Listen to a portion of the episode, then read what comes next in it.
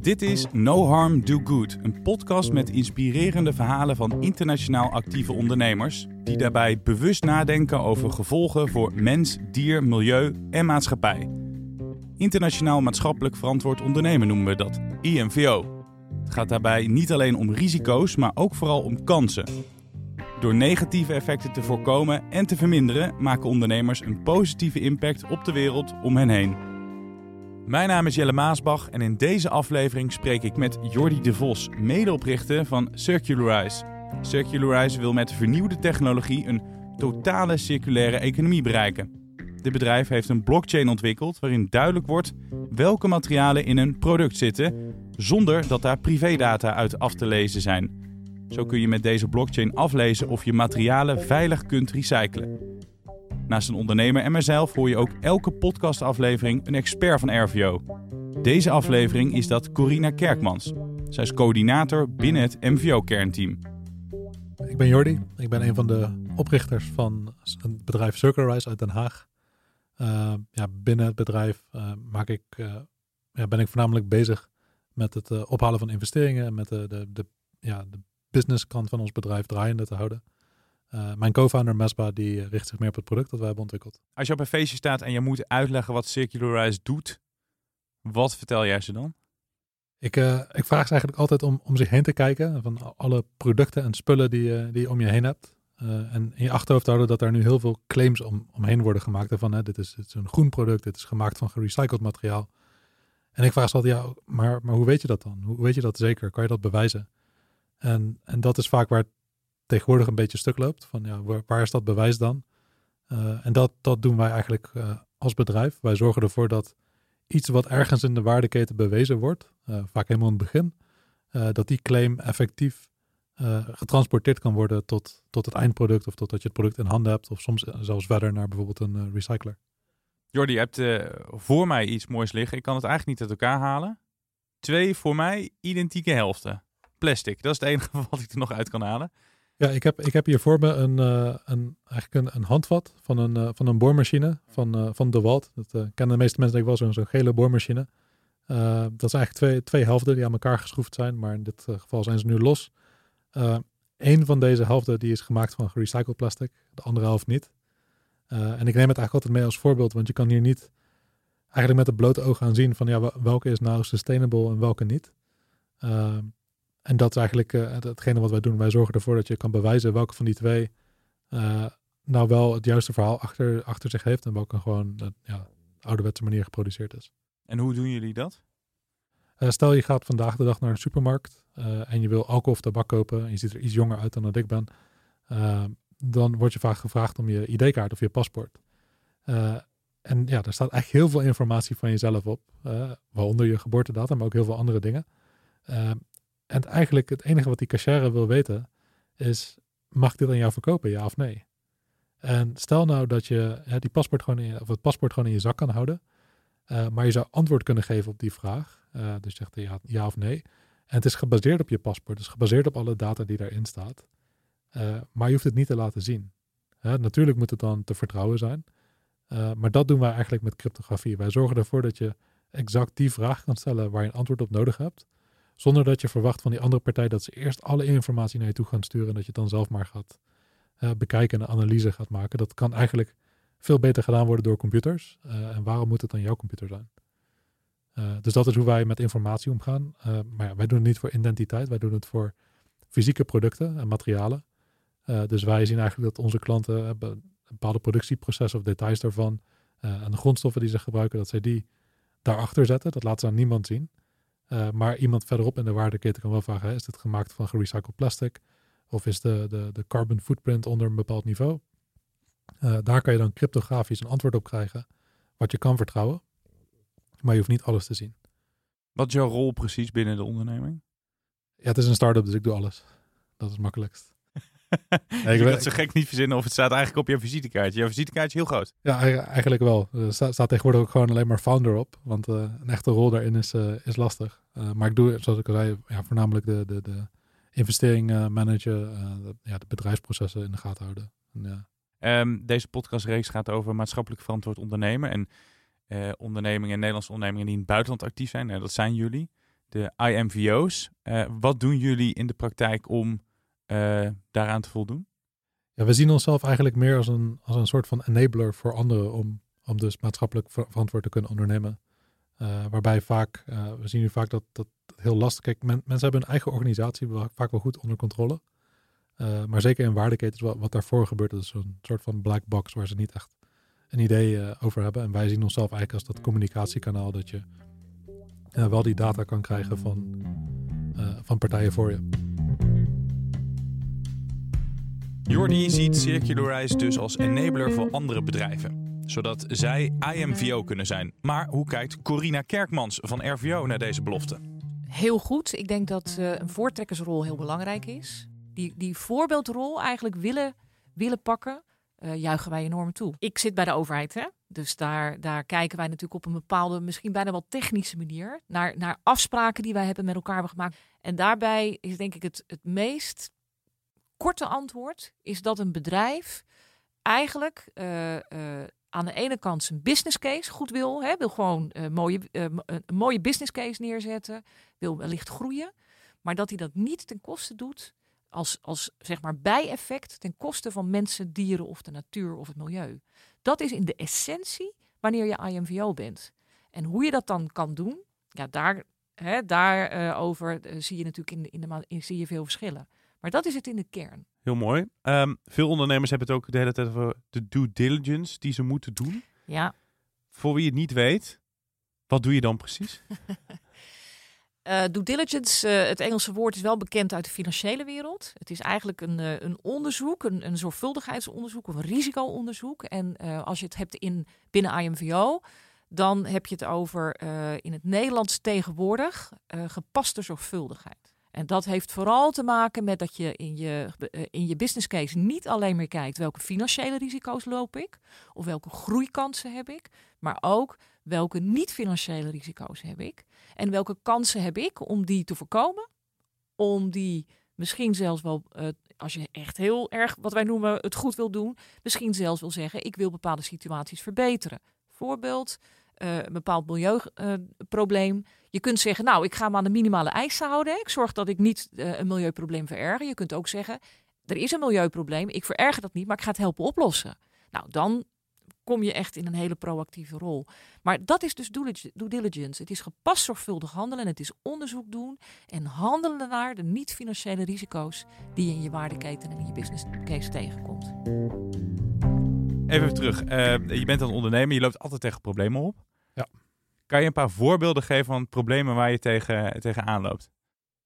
Ja, voor, in mijn rol voornamelijk veel haarverlies uh, door alle stress. Um, maar daarnaast uh, merken we gewoon dat, dat uh, we, we zijn een, een, kleine onderneming. We zijn, we zijn echt een, nog de start-up, scale-up. Dus alles gaat snel. En, en, onze klanten eigenlijk zijn de grote corporates waarbij alles super langzaam gaat.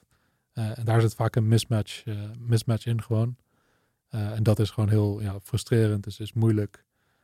Het, ook aan onze kant, er worden soms vragen gesteld waar wij nog niet de juiste capaciteit voor hebben. ik denk dat het probleem is wat elke start-up wel, wel een keer tegenkomt. Nou, daarom, vandaar ook de, de fundingronde waar we mee bezig zijn. Ja, fundingronde, dat was mijn volgende vraag. Want uh, geld is natuurlijk altijd het ding. Je zegt zelf ook, ik ben bezig om investeerders binnen te halen. Zijn jullie al winstgevend bijvoorbeeld?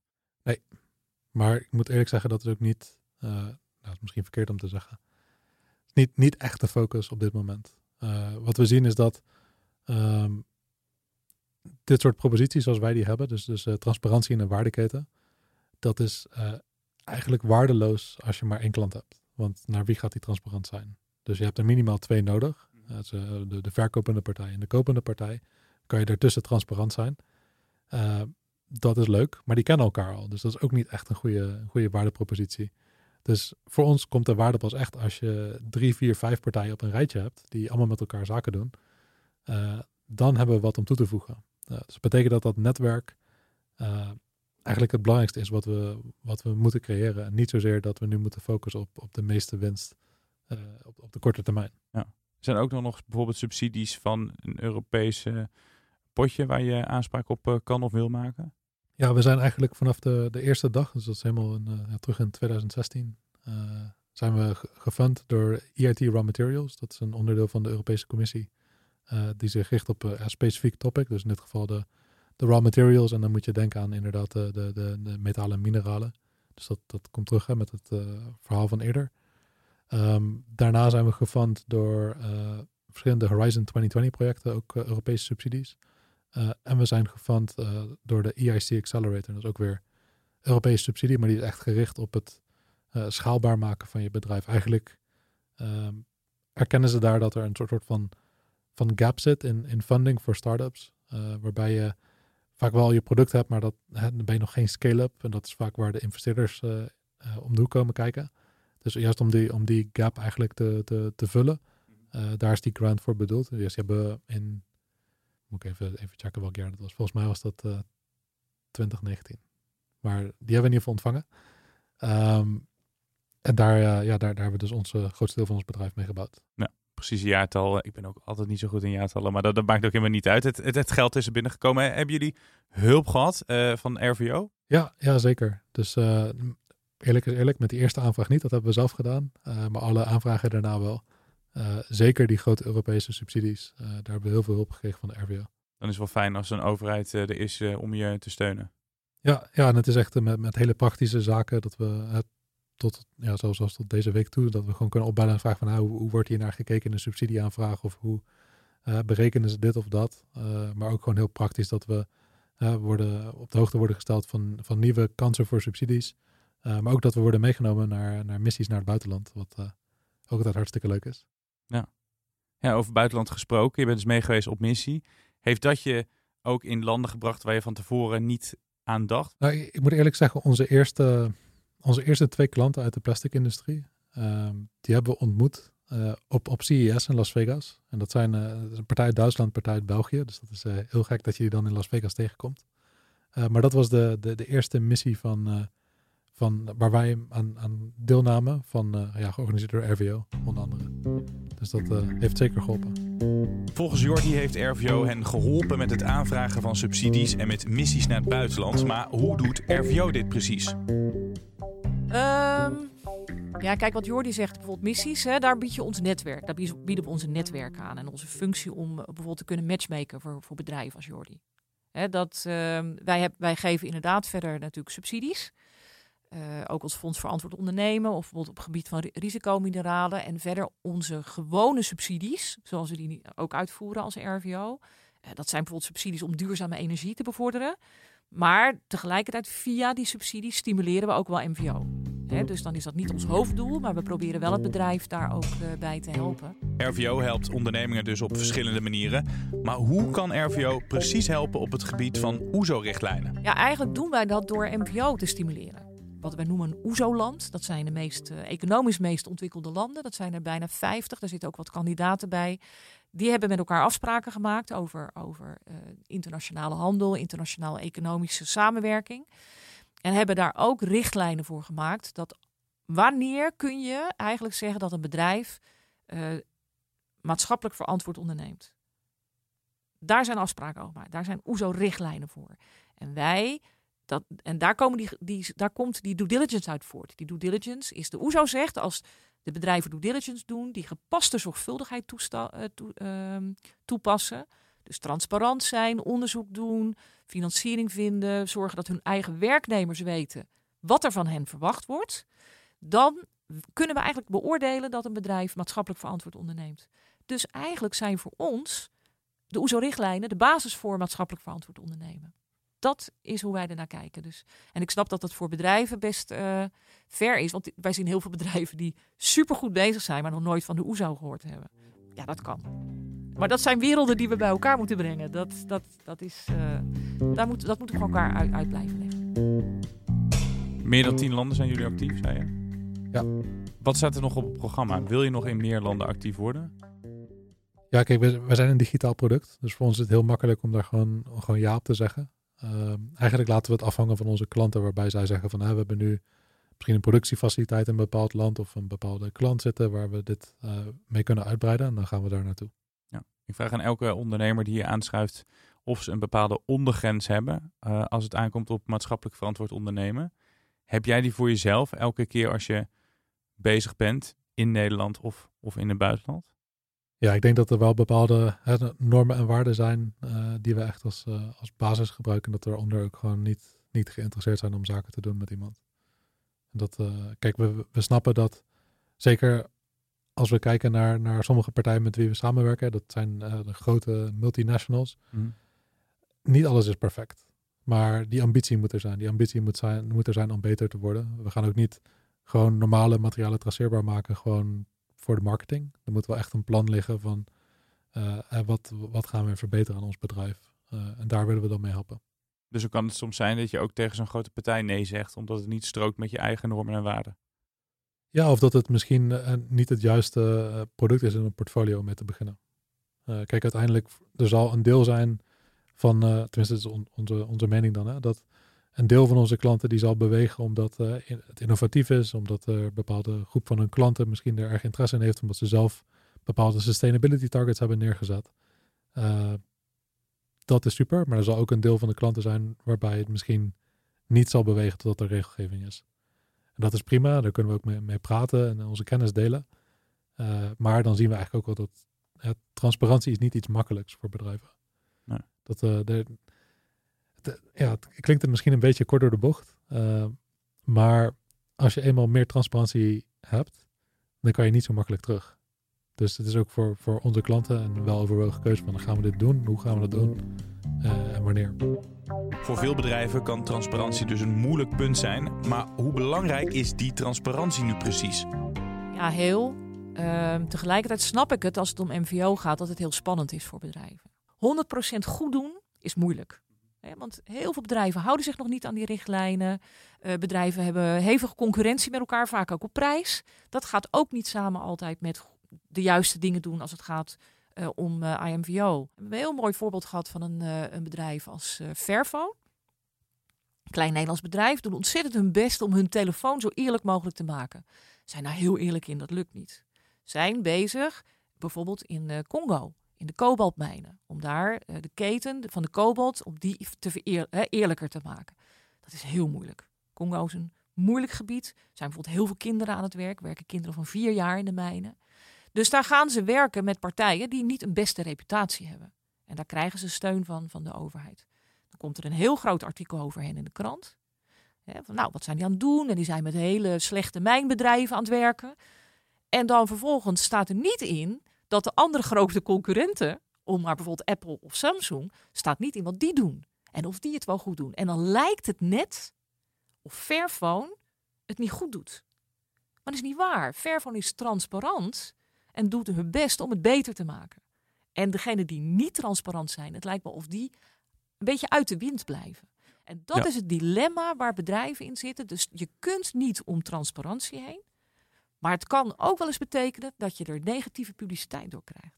En je maakt jezelf best wel kwetsbaar. kwetsbaar. Nu nog wel. Dat gaat veranderen. Dan, dankzij mensen als Jordi gaat dat veranderen. Maar nu ben je nog kwetsbaar. Ja. Um, kunnen jullie een rol spelen bij bedrijven die het eng vinden om transparant te zijn? Uh, ja, toch. Kijk, wij, wij moeten vanuit de overheid, want als je weer hebt over die gepaste zorgvuldigheid, die due diligence, dan moet je ook transparant zijn. Dat hoort daarbij. Uh, tegelijkertijd snappen wij ook dat uh, uh, bedrijven die die stap nog moeten nemen, dat, dat um, ja, ik noem maar wat, hè, wij bijvoorbeeld een, een, fonds dat helpt om kinderarbeid te bestrijden in een keten. Ja, wij snappen ook wel dat we niet vanaf dag één aan de, aan de, aan de deur staan te klingelen van, oh, dit bedrijf heeft, is geïnformeerd bij ons wat ze kunnen doen. Wij moeten open daarover zijn. Ook wij als overheid moeten transparant zijn. Maar we bieden wel een tijd een safe zone voor bedrijven om daar gewoon goede gesprekken over te hebben. Uh, totdat ze die stap nemen. Maar het is echt, uh, ik snap hem wel. Als we dan naar de toekomst kijken, uh, een volledig circulaire economie.